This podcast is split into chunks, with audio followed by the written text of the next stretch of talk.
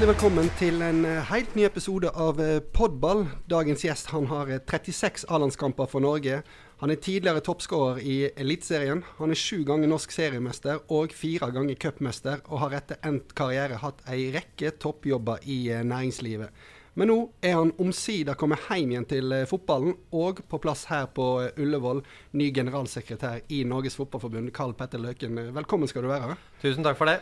Du, Når jeg skriver introen her, så slår det jo meg at eh, du har opplevd en del opp gjennom eh, årene. Ja da, jeg har vært, eh, vært heldig og privilegert, og så har jeg selvfølgelig jobba, jobba litt for det også. Det skal, skal sies, men jeg har fått med meg veldig mye så langt og er veldig takknemlig for det. Det er, det er ingen tvil om. Hvordan var det for deg, da, da overgangen til, til jobblivet fra fotballkarrieren, egentlig? Nei, det var eh, Da tenker jeg, da regner jeg med at du tenker på den aktive fotballkarrieren. Så, Absolutt. nei, det var egentlig ikke så veldig stor, stor overgang, for å være helt ærlig. Fordi jeg, jeg jobba jo, eller studerte, i, samtidig som jeg, som jeg spilte fotball på, på høyt nivå. Så det var egentlig bare det at du økte arbeidsmengden innenfor det området som du da hadde hatt i, i, i tillegg til, til å spille fotball. Så, så sånn enorm overgang var det ikke, og, og det er jeg egentlig veldig glad for. Jeg hadde egentlig forberedt meg godt for, eh, for livet etter den aktive delen av, av, av fotballen. Og, og som jeg allerede har nevnt, har opplevd veldig mye også etter det, og, og det er jeg veldig takknemlig for.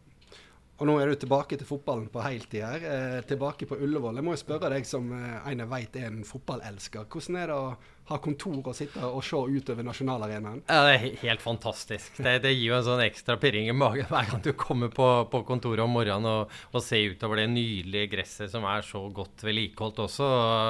Og, banemannskapet gjør gjør en helt fantastisk jobb, og kulissene rundt. Og, og nå på høsten også, så er det jo litt sånn fuktig, sånn trolsk atmosfære her. Så nei, det er fantastisk. Og det var jo nettopp og, og så får jeg jo den følelsen innvendig som jeg fikk da da jeg ble spurt om dette kunne være noe, noe for meg, at det, liksom, det, det rører ved noe inni det. Og, og fotballen har stått mitt hjerte utrolig nært eh, hele livet. Og så har jeg hatt noen år nå som ikke har vært så tett på. Men, eh, men det har jo selvfølgelig, jeg merka jo det når jeg ble spurt om dette kunne være en, en aktuell jobb, at, det- at det rører ved følelsene dine. Og det, det er jo fotball i et nøtteskall.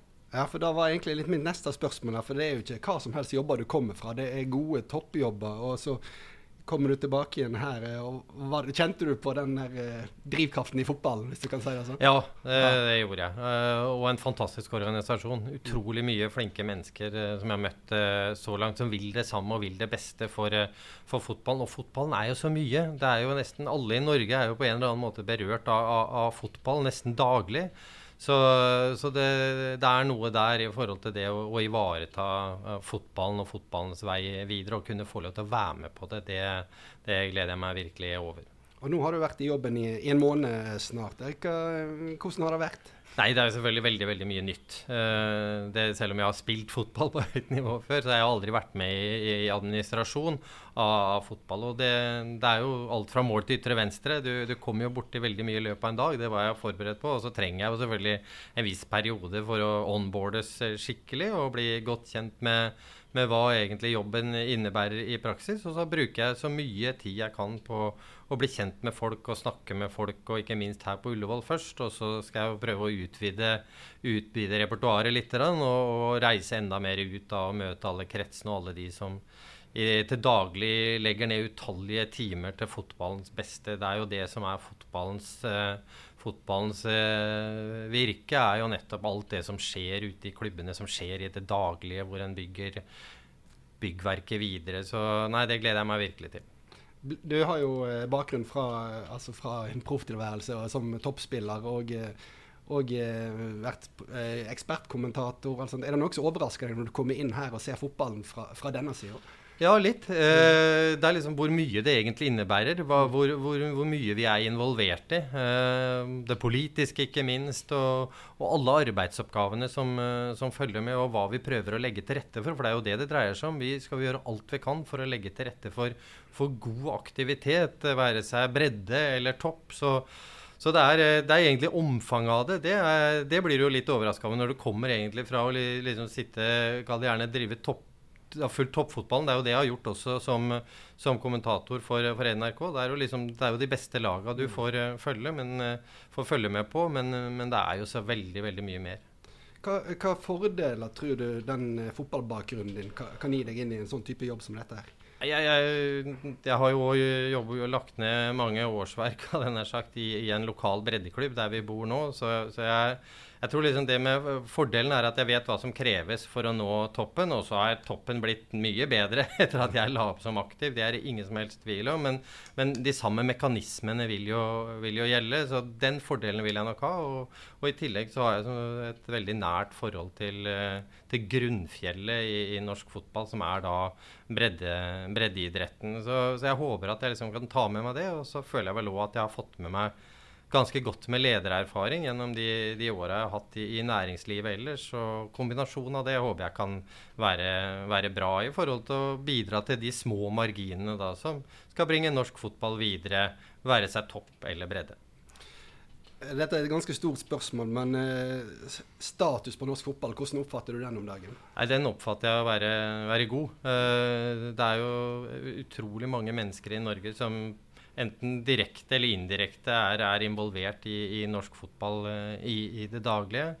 I tillegg så har vi jo verdensstjerner på, både på damesida og på herresida, og, og, og, det er jo veldig bra. Og så jeg føler òg at det er en sånn optimisme knytta til, uh, til, fotball på, på toppnivå. Og, så, og, det samme er liksom det er, jeg, jeg, føler at det er liksom pos positivitet rundt norsk fotball i det store store og hele, og hele. Og så har jo selvfølgelig òg Lise satt eh, norsk fotball på kartet på en helt ny måte. Gjennom både hennes væremåte og, og, hvordan hun opptrer ute. Så det gjør jo, tror jeg gjør veldig, veldig mange stolte. Så, så jeg håper å kunne være med å bidra også på min måte fremover.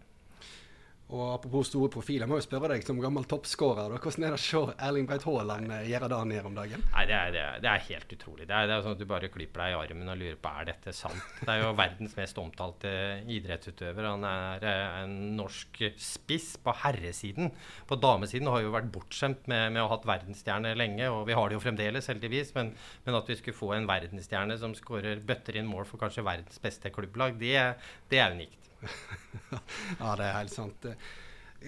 Hva er det du eh, Jeg regner med når du tok jobben, så har du noen tanker om hva du ønsker å gjøre noe ja, Hva er det du ønsker å utrette i den, eh, den jobben du nå har? Jeg tror, sånn, Først og fremst så tror jeg jeg er en ok lagspiller. Eh, det å spille folk rundt meg gode, det kommer jeg til å bruke mye tid på. For jeg vet jo det at det er jo gjennom andre du på mange måter får gjort det meste. Det er jo begrensa hva, hva, jeg kan få gjort gjennom min egen person. Men så har jeg lyst til å sette noen, noen ting på kartet, jeg også. Selvfølgelig kan du nevne én ting, som liksom er en sånn nasjonalt treningsanlegg. Det har jeg bestemt meg for at det, det, skal vi få til. Eh, vi trenger en arena som, som hele Norge har et, et, forhold til, hvor vi skal utdanne fremtidens dommere, trenere, og i tillegg da ha aldersbestemte landslag og A-landslagene våre nært knytta til, i hvert fall i forhold til oppladning til viktige kamper. Så, så det har jeg liksom bestemt meg for at det, det, er noe vi må få til i, i, fellesskap. Så det er bare ett eksempel. Og så er det da det med frivilligheten.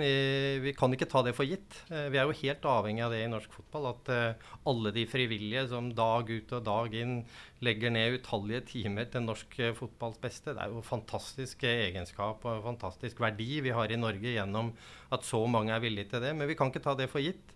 Så det å dyrke frivilligheten og få enda flere til å være med og bidra til, i, i, det daglige i, i norsk fotball, det, det er òg veldig viktig. Så det er bare to, da har jeg nevnt to ting som, som kanskje er litt i hver sin ende, men allikevel like viktig for, for norsk fotball. Og nå etter covid, så er det, det er vel en jobb å gjøre da, med, akkurat med frivillighet og, og få tilbake de som var der. For, ja, ja, merker jo det litt på seg sjøl òg. Mm. Du har lagt til deg litt sånn andre vaner fordi at du har måtta det. Ja. Men så er det det liksom komme tilbake til, kall det gjerne den den normalen som vi hadde før, uh, før, covid. Og vi må i hvert fall jobbe veldig veldig hardt for å, for å få det til. For, uh, for, fotballen er helt avhengig av at, uh, at ting skjer ute på banene. Det er der, det er der fotball spilles. Og så må jeg nettopp bore litt i dette med treningsanlegget. For det, der, snakket du om her hindagen når vi hadde et allmøte. Det, det er jo noe som har vært snakk om i mange, mange uh, år. Uh, og dette har jeg skjønt at dette er jo viktig, ikke bare for, for toppen, men òg for å favne om kompetansen i hele Fotball-Norge. Ja, det må bli et kompetansesenter. Og så ser vi det at uh, det er alle de, de, de, landene vi naturlig konkurrerer med og, og, og ønsker å strekke oss etter også, de har jo dette. Så, så, det er Vi trenger et kompetansesenter, et teknologisenter, et uh, fremtidens mekka, kall gjerne det, for, for norsk fotball. Og, og, det må vi få til sammen, ellers så lykkes vi ikke. Og En annen ting jeg har hørt du har vært veldig tydelig om, det er at vi skal til mesterskap. Det, Ja. det er ikke noe spørsmål om lenger. Der, der, der må vi. Ja, vi, vi, vi, vi må skal til mesterskap. Nå Vi har klart det stort sett på, på damesiden. Og nå de, de store, viktige mesterskapene. For, og, og nå skal vi klare det også på herresiden. Vi må tørre å liksom snakke om at vi, vi har en klar målsetting om å komme oss til EM i Tyskland i, i 2024. og og det snakker Ståle også om, så, så, det er noe vi må prøve å legge til rette for så godt vi bare kan for å, for å lykkes med. det. For det er jo sånn at topp og bredde henger så nøye sammen. Hvis du har de store profilene, har noe å glede seg til med de store mesterskapene hvor Norge er, er deltaker både på damesida og på, på herresida, så vil det dra med seg bredden. Så Derfor så mener jeg at det er veldig viktig. Hva du ser på som de største utfordringene for norsk fotball? Nei, hva skal vi si. Det, det, det største utfordringen det er jo det at det, fotballen går jo fort også rundt oss. Og det er jo ingen tvil om at vi kanskje sånn relativt sett har tapt litt terreng på damesiden. Der har jo veldig mange nasjoner som har bevega seg veldig veldig raskt. Vi ser jo en, en revolusjon av en utvikling i England f.eks., som er blitt et, et voldsomt foregangsland på, på damesiden. Så er det det å henge med der da, og, og, og klare å hevde seg, for der har vi jo historisk vært ekstremt sterke og gode.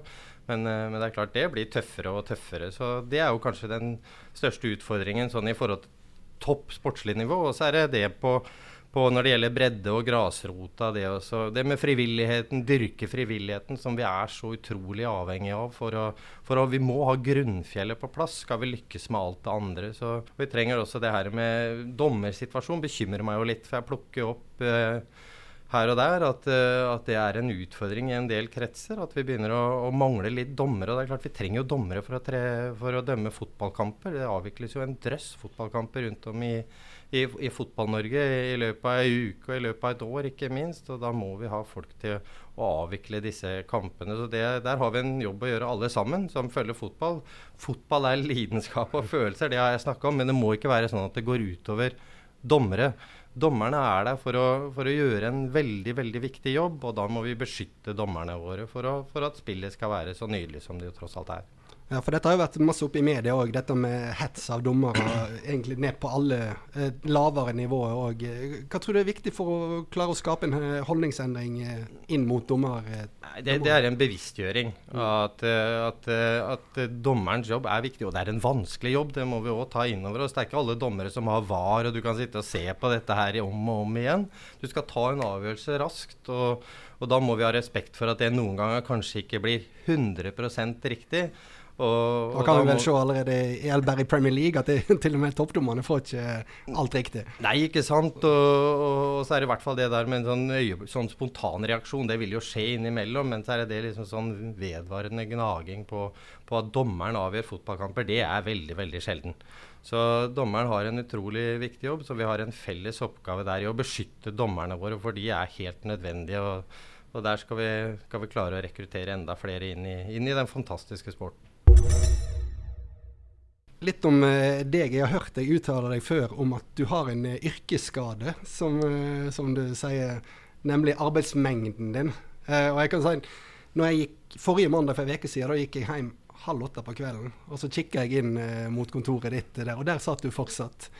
Hva, kan du forklare litt mer om, om det? Ja, nei, det, ja, Bare for å ta det som, som, jeg nevnte vel litt innledningsvis, så er jeg heldig og privilegert. Jeg har fått oppleve mye i jobben, men det er klart, det kommer jo ikke gratis. Du må jo, du må jo legge ned en del tid også, og da får du etter hvert eh, mer ansvar, og, og, du tar mer ansvar også. Og, så liker jeg å være tilgjengelig. Jeg tenker Det er en viktig del av, av jobben min. Jeg tror folk setter pris på det å bli sett og det å bli hørt, og da må jeg sette av ganske mange timer. Og så er det jo selvfølgelig sånn at arbeidsmengden er jo ganske stor, så, så jeg liker å prøve å ta unna ganske mye. Og så, og så, trives jeg med det. Mm. Det tror jeg er veldig viktig. Du må trives med det du gjør, og, og det gjør jeg. Så Derfor så legger jeg òg ned mange timer, og jeg føler at det er, det er nødvendig. Hvor mange timer vil du si gjennomsnittsuka ligger på? Nei, jeg, jeg, vil, eh, jeg vil tro at det i hvert fall ligger på 70 timer i snitt. Det er jeg rimelig sikker på. Det er en del. Ja da, det er det. Men som sagt, det er lystbetont. Øh, og det er det aller, aller viktigste. Og, og så, jeg, så jeg, prøver jeg i hvert fall å være flink til å, til å være sammen med familien sånn øh, utenom. Og, og prioriterer selvfølgelig det. Sånn ellers så Hvis det ikke, hvis det ikke familiært liksom hadde gått opp dette at dette er OK, så ville det vært problematisk. Men det, det føler vi ikke. Så vi kona mi er klar over at, at, jeg bruker en del timer på jobb. Men når du virkelig skal slappe av og koble ut, eh, hva gjør du da? Nei, da, da, liker jeg å tilbringe tid sammen med familien. Det, det gjør jeg. Det er, det, det er, trygt og godt, og der trives jeg veldig godt. Og der får jeg lada batteriene.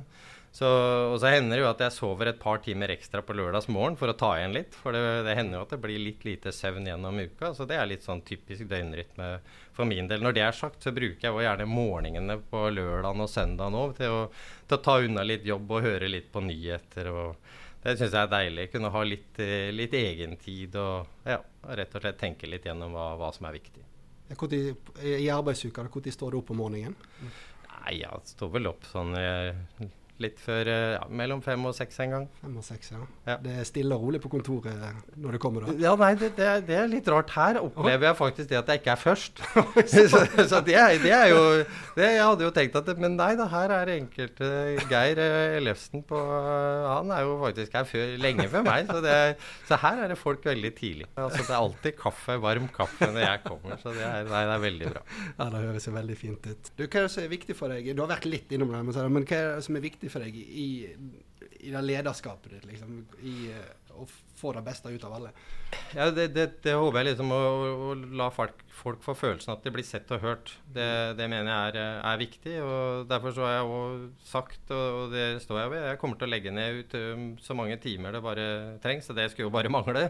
Men, men det, gjør jeg òg fordi at jeg tror det er viktig for folk å, å, ha en åpen dør og ha muligheten for å komme og si hva de mener. Og, og åpenhet er jo noe jeg er veldig, veldig opptatt av. og men som sagt, jeg tror det for å få folk involvert, eh, så du, kan du ikke gi alle rett til enhver tid. Det, det, fungerer jo ikke. Du må jo ta noen avgjørelser, men du må i hvert fall la folk få, få, muligheten til å bli sett og hørt. Det har jeg veldig tro på. Det er litt sånn min måte hvert fall å lede på, og det har jeg tenkt å fortsette med.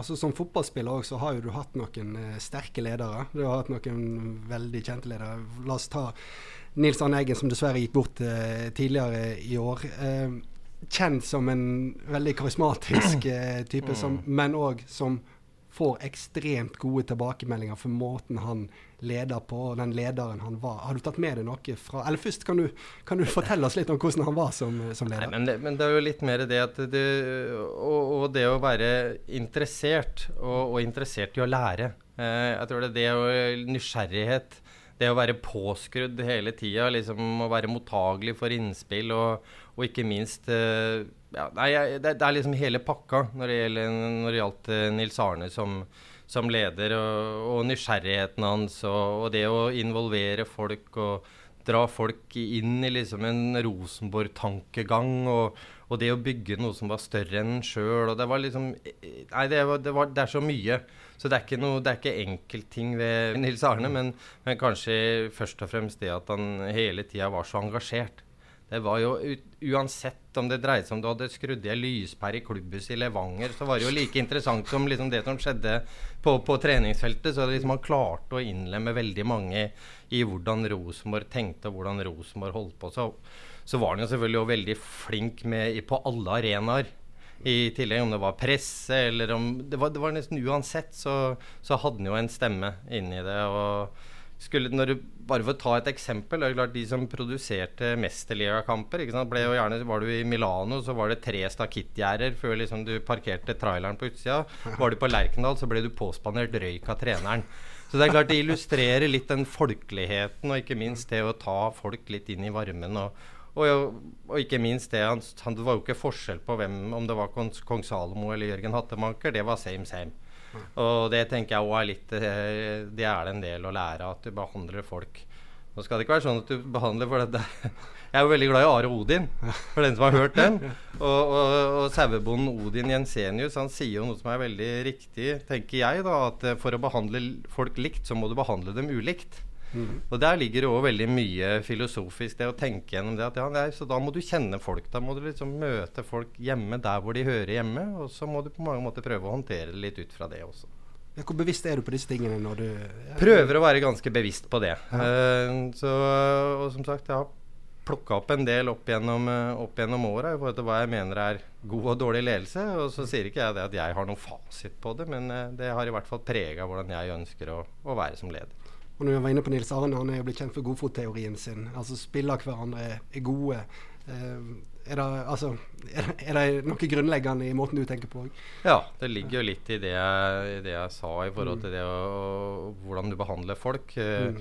Også bare for å ta det, det var ikke alt ved Nils, Are, Nils Arne som var rosen, rosenrødt. Altså. Det, var, det, det, gikk kulevarmt der i, i, perioder og kunne være veldig veldig tøft for, for enkelte i perioder. Så, men så var det alltid, da angra han seg jo alltid, så det tok ikke veldig lang tid før han retta det opp. Men uh, Så den sånn, sånn spontan type, kall gjerne sånn litt sånn vel aggressivt, at sånn tror jeg nok ikke, ikke jeg er. Og, men, men, jeg har uh, som sagt tatt med meg mye fra, fra Nils Arnes uh, lederstil, samtidig som jeg har tatt med meg en del fra, fra andre opp igjennom. Og du prøver liksom å fange opp litt her og der. Men det med de gode lederne, tenker jeg, og det med nysgjerrighet, det mm. er òg veldig viktig i forhold til det å, å, å, lære noe nytt. Og det er jo det som er litt bedrøvelig, tenker jeg, når du blir eldre også. fordi at jo mer du føler at du absorberer og, og, og lærer, jo mer skjønner du at du ikke kan. Så, så det, det, er jo litt bedrøvelig oppi alt òg, men i hvert fall å ha den der livets nysgjerrighet, det er jo, det er jo fantastisk i det å, å, å, være menneske, tenker jeg. At du har liksom det som pirrer i deg, og jøss, det vil jeg gjerne lære mer om. Det tenker jeg var en god, god uh, læreregel. Du har vært en måned i jobben, eh, og det har vært mye innføring, vil jeg, vil jeg tro, som, som du har vært inne på òg. Hva er det du gleder deg mest til å liksom kunne angripe? Og, ja?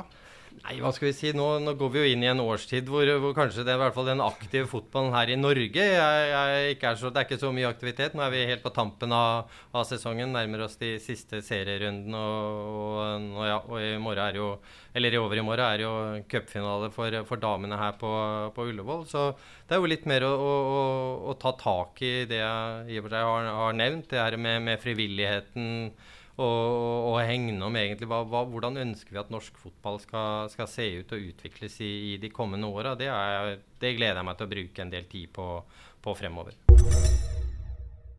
Vi skal ha en liten spalte der jeg spør deg, spør deg sju spørsmål. er det vel? Du får to alternativer. Så det blir en slags sånn dilemma-like. At du må velge mellom to ting. Bare for at folk skal få bli litt, eh, litt bedre kjent med, med deg òg. Så jeg tenkte bare jeg skulle fyre i gang med tolv timer på kontoret eller tolv timer helt fri? Nei, det må være på kontoret. okay. Fotball på stadion eller fotball på TV? På stadion. På stadion, ja. Det høres bra ut. Ville du ha vunnet en Champions League-finale, eller ville du vunnet en VM-finale? Jeg har, ikke, jeg har ikke opplevd noen av delene. Så det er jo noen nordmenn som faktisk har opplevd det å vinne Mesterligaen. Ja, men, men, jeg tror nok jeg ville ha vunnet en VM-finale. VM-finale for landet ja. sitt. Ja, ja. Den er spent på Maradona eller Pelé. det var vanskelig. Eh, nå, nå, har jeg jo sett Maradona mer enn jeg har sett eh, Pelé, og, og, jeg tror nok eh, Nei, jeg, jeg, tror faktisk jeg velger Maradona. Er du svak for den type fotballspillere? Det, det, er jo litt sånn Jeg jo, har jo følelsen at Maradona ble jo en mann av folket. Eh, veldig, og det var liksom det at Han vant jo nesten med Napoli på egen hånd når han var i Italia. Det er et eller annet med hele historien som selvfølgelig var, endte jo altfor tidlig. Men, men eh, Maradona var jo liksom den store i, i mange, mange år. Og alltid vært litt sånn fascinert også av Argentina. Uh, vi hadde en katt, for å dra det litt tilbake, til Argentina da de vant VM på hjemmebane i 78. Mm. Da kalte vi jo katten vår for Kempes. Så, så jeg har liksom litt Så det er, det er vel derfor jeg lander på Maradona. Ja, det er interessant å høre med deg om. Hvem er, hvem er de største fotballspillerne for deg? Eller hvem, har du en klar uh, spiller som står seg ut? Ja, det har jeg nok egentlig. Og det, jeg tenker at det er Messi inntil, Messi, ja. inntil videre. Uh, det kan bli uh, Brauten. Ja. ja absolutt. Det er klart det kan det. Men, men, det Messi mangler, da, som de andre har fått til av de Hvis du tar, tar Maradona, Pelé, så Messi har ikke blitt verdensmester. Så, så, han mangler jo litt det i, i skapet, men jeg, jeg, tenker at han er den største i mitt hode, i hvert fall. Ja, han har en sjanse til nå. Han har en sjanse til. Det er, det er, nok den siste. Det er nok fort, det. Og da blir jo neste spørsmål her veldig lite spennende, egentlig. Messi eller Ronaldo? Så. Ja, nei, det, er, det mener jeg det er I mitt hode er ikke det noe spørsmål. Nei, det, nei, det er jo klart Ronaldo en fantastisk atlet. Skåra ja. drøssevis med mål, men det er et eller annet med totalpakka til Messi og de litt overraskende Nei, det, han har litt mer, tenker jeg da. Da stryker jeg det spørsmålet. Nå skal vi litt over på matfronten her på de to siste. Uh, for jeg vet jo hvor du kommer fra, så jeg må bare spørre. Pølse i vaffel eller pølse i brød? Nei, jeg er ikke fra Moss. Å nei, er, er, det, er, det, kun Moss, da? Nei da, men det var der jeg tror jeg pølse i vaffel ja. Eh, dukka opp. I hvert fall det jeg assosierer det med. Så nei, jeg, jeg, jeg, jeg, tror jeg trives best med å ha pølse i brød. Pølse i brød, ja. Der er jeg enig. Og så den siste. det er også, sånn som Mange sier at dette kan du definere folk ut ifra. Men liker du Eller ananas på pizza, ja eller nei? Nei. Nei, ja. Flott av er så. Flott. Nei, men da, da, var de spørsmålene der. Det kom du deg greit gjennom, for å si det sånn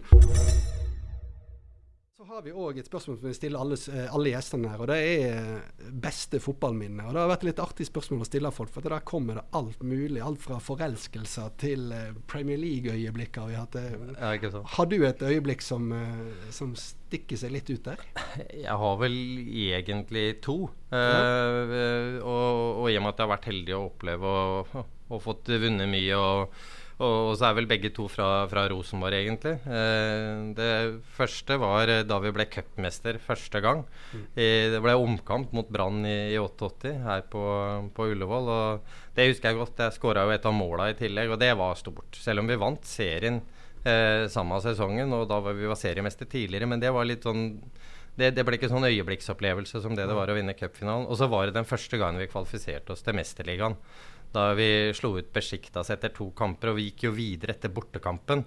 Vi vant 3-0 hjemme, uh, men vi skjønte jo liksom i forhold til hvordan Besjiktas oppførte seg, at de mente de hadde en sjanse mm. til å slå oss ut, men vi skåra mål på bortebane. Jeg tror vi tapte 3-1, det er helt irrelevant, for vi klarte å gå videre. Vi hadde jo gått videre på 4-1 også.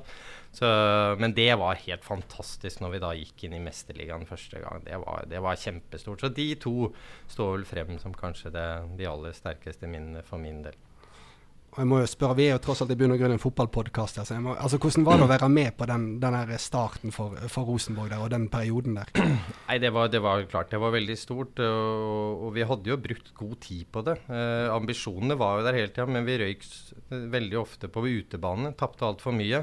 Når det er sagt, Året før vi gikk inn i Mesterligaen, så møtte vi Deportivo la Coronia. De hadde tre verdensmestere på laget.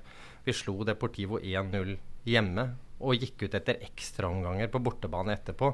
Og Bebeto ble jo den store spilleren. Han ble jo toppskårer i VM.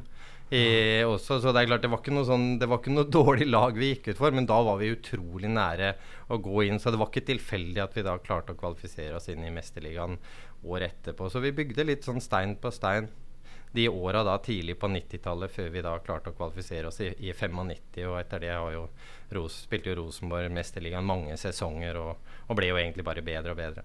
Men sånn før første gang dere gikk inn der, var det bare for å prøve å eh, forstå hvordan folk tenkte, hva tankegangen var. Var det sånn at Champions League ble sett på som noe nesten uh, umulig der, eller også gjorde dere det mulig? Jeg, nei jeg, tror ikke vi så på det som uh, umulig. Vi fikk jo god trening ikke, i og med at vi, vi, vant jo, vi, vant jo, enten serie eller cup ofte i, i sesongene da fra slutten av 80-tallet. Så vi fikk jo trent hvert år på å spille i Europa. Så det gjorde at vi gradvis ble bedre og bedre og nærma oss mer og mer.